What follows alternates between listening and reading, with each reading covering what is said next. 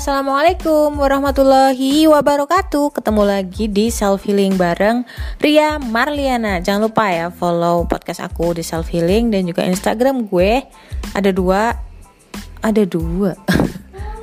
Yang pertama Ria Marliana 87 Dan satu lagi buat kamu yang seneng banget uh, Cari tahu atau Apa yang namanya belajar soal karakter pasangan kamu Bisa cek juga di karakter cinta Goldar. Di situ banyak banget kamu pasti kaget deh. Surprise karena banyak banget yang uh, terbantu insya Allah ya. Alhamdulillah. Banyak yang terbantu dengan dengan membaca baca postingan di situ. Lebih memahami pasangan masing-masing gitu. Oke okay, good. Aku mau ngomongin apa ya sebenarnya? Oh aku mau ngomongin bagaimana cara aku uh, be positif ya. Di tengah virus corona ini gitu. Itu susah banget karena memang mau nggak mau kita juga harus tahu fakta. Bayangin kalau misalkan kita di jalan yang kanan kirinya jurang tapi mata kita ditutup seolah-olah gitu biar kita tenang gitu aku nggak setuju. Aku lebih seneng yang transparan dan apa adanya biar kita lebih hati-hati.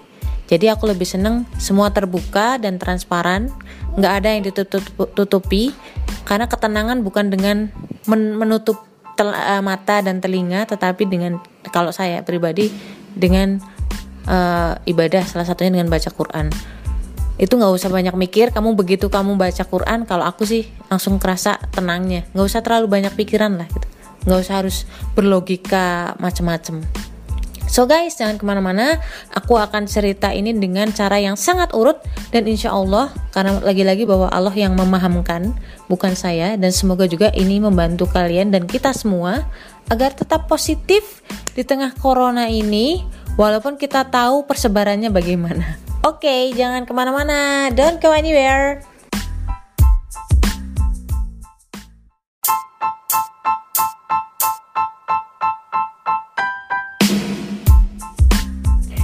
Oke, balik lagi di self healing bareng Ria Marliana. Uh, aku udah lebih dari dua minggu kayaknya work from home. Bagi aku, bagi gue yang introvert banget dan B yang yang ya bisa beradaptasi dengan lingkungan apa pun, seenggak enak gimana pun, nggak terlalu masalah ya sebenarnya. nggak bosen juga dan anyway aku nggak bisa mudik juga uh, karena memang uh, demi demi kemaslahatan umat lah ya.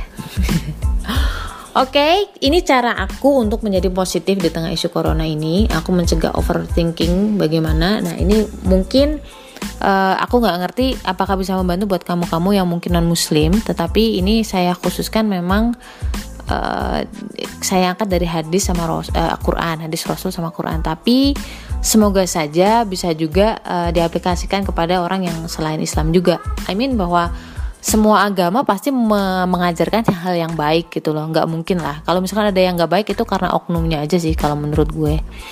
So mari kita cek satu persatu urutannya. Bagaimana cara mencegah overthinking overthinking akibat covid atau bagaimana caranya be positif dengan isu corona ini yang pertama adalah uh, kita harus selalu yakin bahwa nggak ada satu kejadian pun yang tanpa persetujuan dari Tuhan. Itu dulu itu penting banget. Dan ini aku dasarkan dalam surat Al-Quran juga Al-An'am ayat 59 dan tiada selai daun pun yang gugur melainkan dia atau Tuhan mengetahuinya. Itu saya pegang adek itu aku pegang dari di setiap kejadian yang buat saya itu nggak enak. Entah itu musibah uh, pokoknya nggak enak-enak itulah karena kan namanya manusia kan naik turun ya. Oke yang pertama kita yakin bahwa nggak ada satu kejadian pun tanpa izin Tuhan lah ibaratnya gitu.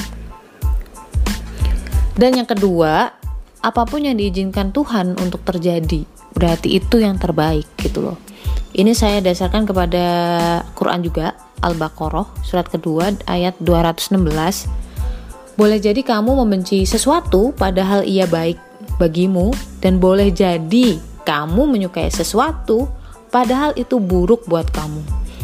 Allah mengetahui, sedangkan kamu tidak mengetahui. Sebatas apa sih pengetahuan kita, teman-teman? Di balik tembok aja kita nggak ngerti ada apa ya nggak? Besok aja kita nggak tahu akan terjadi apa dan Allah lebih tahu. Buat saya penting banget bahwa uh, apa pun yang turun dari Allah itu itu pasti terbaik. Dan yang ketiga ini penting banget penting banget. Menanamkan dalam diri kamu itu Allah itu sayang banget sama kita dan peduli banget gitu loh dan nggak ada maksud lain kalau nggak mungkin Tuhan itu iseng sama kita. Nggak mungkin Allah itu iseng atau mempermainkan kita. Dia itu melatih kita menjadi insan yang kuat agar bisa ngejalanin hidup itu dengan tenang. Dan yang paling penting kita selalu ingat atau apa ya Allah tuh selalu mengingatkan bahwa kita tuh nggak kita nggak akan selamanya hidup di dunia ini. Tapi akan ada saatnya kita pulang dan ini saya dasarkan di Al-Baqarah juga 155 sampai 157 dan sungguh kami benar-benar menguji kalian dengan sedikit rasa takut lapar, krisis, krisis jiwa dan krisis buah-buahan. Sampaikan kabar gembira bagi orang-orang yang sabar yaitu orang yang apabila ditimpa musibah mereka berkata innalillahi wa inna ilaihi rojiun. Bahwa kami milik Allah dan hanya kepadanya lah kami akan kembali itu sih. Jadi memang tujuan Allah adalah mengingatkan kita hey hey guys bahwa kita tuh nggak akan selamanya loh di dunia ini. Apa sih yang mau kamu apa sih yang kamu kejar? Gitu loh. Keceplosan jadi Jawa. Dan selanjutnya yang keempat Allah tuh tahu banget kita bisa melewatinya. Allah tahu banget kita mampu melewatinya karena apa? Menurut Al-Baqarah juga ayat 286, Allah tidak membebani seseorang melainkan sesuai dengan kesanggupannya kan? Nah, itu dia. Dan ketika lagi berat banget aku selalu ini inget ini bahwa ini gak akan selamanya. Ini cuman sementara kayak gitu. Dari surat Al-Insyirah ayat 5 sampai 6 dibilang bahwa karena sesungguhnya setelah setelah kesulitan ada kemudahan dan sesungguhnya setelah kesulitan itu ada kemudahan. Jadi tenang habis ini selesai kok ini selesai kayak gitu loh. Seolah gitu deh gitu. Kemudian yang keenam walaupun kita dikasih ujian kayak gini Allah udah kasih kunci bagaimana caranya kita keluar dari permasalahan ini. Ini yang aku baca di surat At-Tolak ayat 2 sampai 3 dan ini ini selalu yang jadi pegangan aku ketika saya jatuh. Saya berada benar-benar di titik nadir waktu itu dan ini juga yang uh, membuat apa ya membuat aku tuh tetap yakin dan optimis gitu loh. Jadi nggak bingung harus gimana gitu loh. Nah ini yang uh, kita baca di surat At-Tolak itu Barang siapa bertakwa kepada Allah Niscaya dia akan mengadakan baginya jalan keluar. Jadi kata-kata yang di highlight ini adalah Barang siapa bertakwa kepada Allah, niscaya dia akan mengadakan baginya jalan keluar dan memberinya rezeki dari arah yang gak disangka-sangka.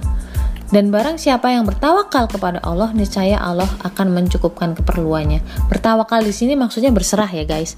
Misalkan kita udah berusaha, bertakwa, beribadah, berbuat baik, berikhtiar terbaik, itu juga termasuk ibadah loh. Jadi nggak tiba-tiba kamu pasrah gitu aja udah lah mati mati aja gitu. Nggak kayak gitu juga guys gitu. Kalau bilang kayak gitu oh ya nyawa di tangan Tuhan kamu silakan di pinggir jalan atau di rel kereta api gitu ngomong kayak gitu gitu loh. Nggak seperti itu karena sebenarnya Tuhan juga memberitahukan kita kita harus tetap berusaha gitu loh. Itu juga termasuk ibadah. Nah ini ini nyambung nih sama yang berikutnya bahwa untuk menunjukkan kesungguhanku aku harus tetap berdoa dan juga berusaha sesuai dengan perintahnya Allah. Nggak mungkin kita uh, asal aja ngomong ah, udah mati mati aja gitu. Nggak nggak kayak gitu. Karena Allah bilang bahwa sesungguhnya Allah tidak akan mengubah keadaan suatu kaum sampai mereka mengubah keadaan yang ada pada diri mereka sendiri. Ini adalah kalimat uh, kamu juga tetap harus berusaha dong gitu. Ini ada di surat Arad ayat 11 ya. Dan selanjutnya yang kedelapan ibaratnya nih misalkan. Kan sebenarnya orang takut mati nih guys jika dalam peperangan ini misalkan kita bertemu ajal nih meninggal gitu. Ini berarti udah menjadi ketetapan Allah bahwa memang usia kita sampai di hari itu misalkan. Ada atau nggak ada corona kita juga tetap akan pulang gitu loh waktunya. Jadi sesuai dengan kata Allah di Ali Imran 145 bahwa sesuatu yang bernyawa nggak akan eh sesuatu yang bernyawa tidak akan mati melainkan dengan izin Allah sebagai ketetapan yang telah ditentukan waktunya, telah ditentukan waktunya. Dan itu berarti tugas di dunia sudah selesai dan semoga Allah berkenan meridoi. Ada satu hadis yang cukup menghibur, menenangkan kali ya, bukan menghibur. Bahwa orang yang mati syahid itu ada lima dan salah satunya adalah orang yang terkena ataun. Ataun itu wabah. Misalkan berarti corona ya sekarang ini itu sih guys. Jadi aku recap lagi. Yang pertama adalah urutannya. Biar bisa positif di tengah apa pun masalahnya nanti seberat apa pun masalah kita nantinya. Yang pertama bahwa kita harus yakin bahwa nggak ada satu kejadian pun yang nggak diizinin Tuhan untuk terjadi. Semua dari Tuhan.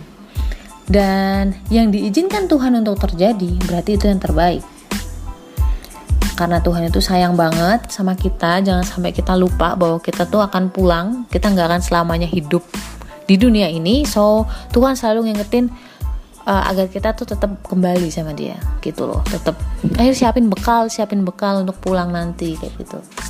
Makanya kita dikasih ujian.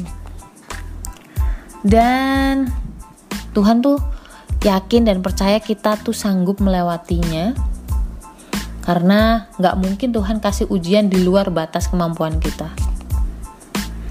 Dan selalu yakin bahwa ini tuh cuma uh, ini tuh cuman sementara.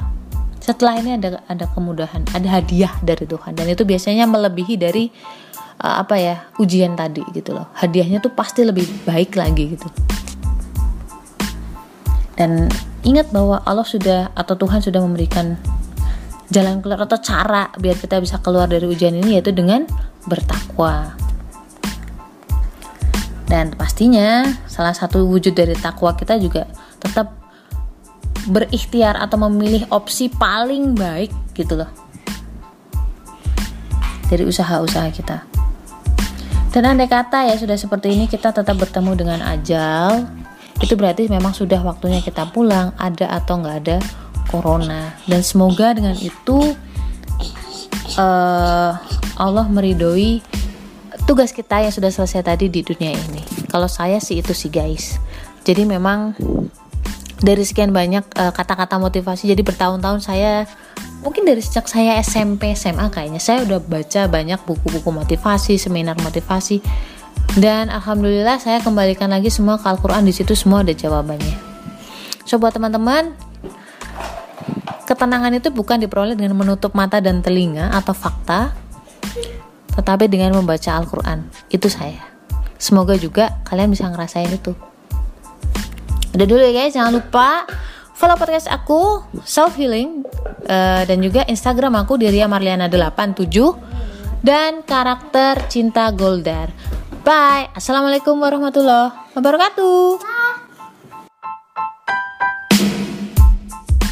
Podcast ini dipersembahkan oleh konselorpernikahan.com.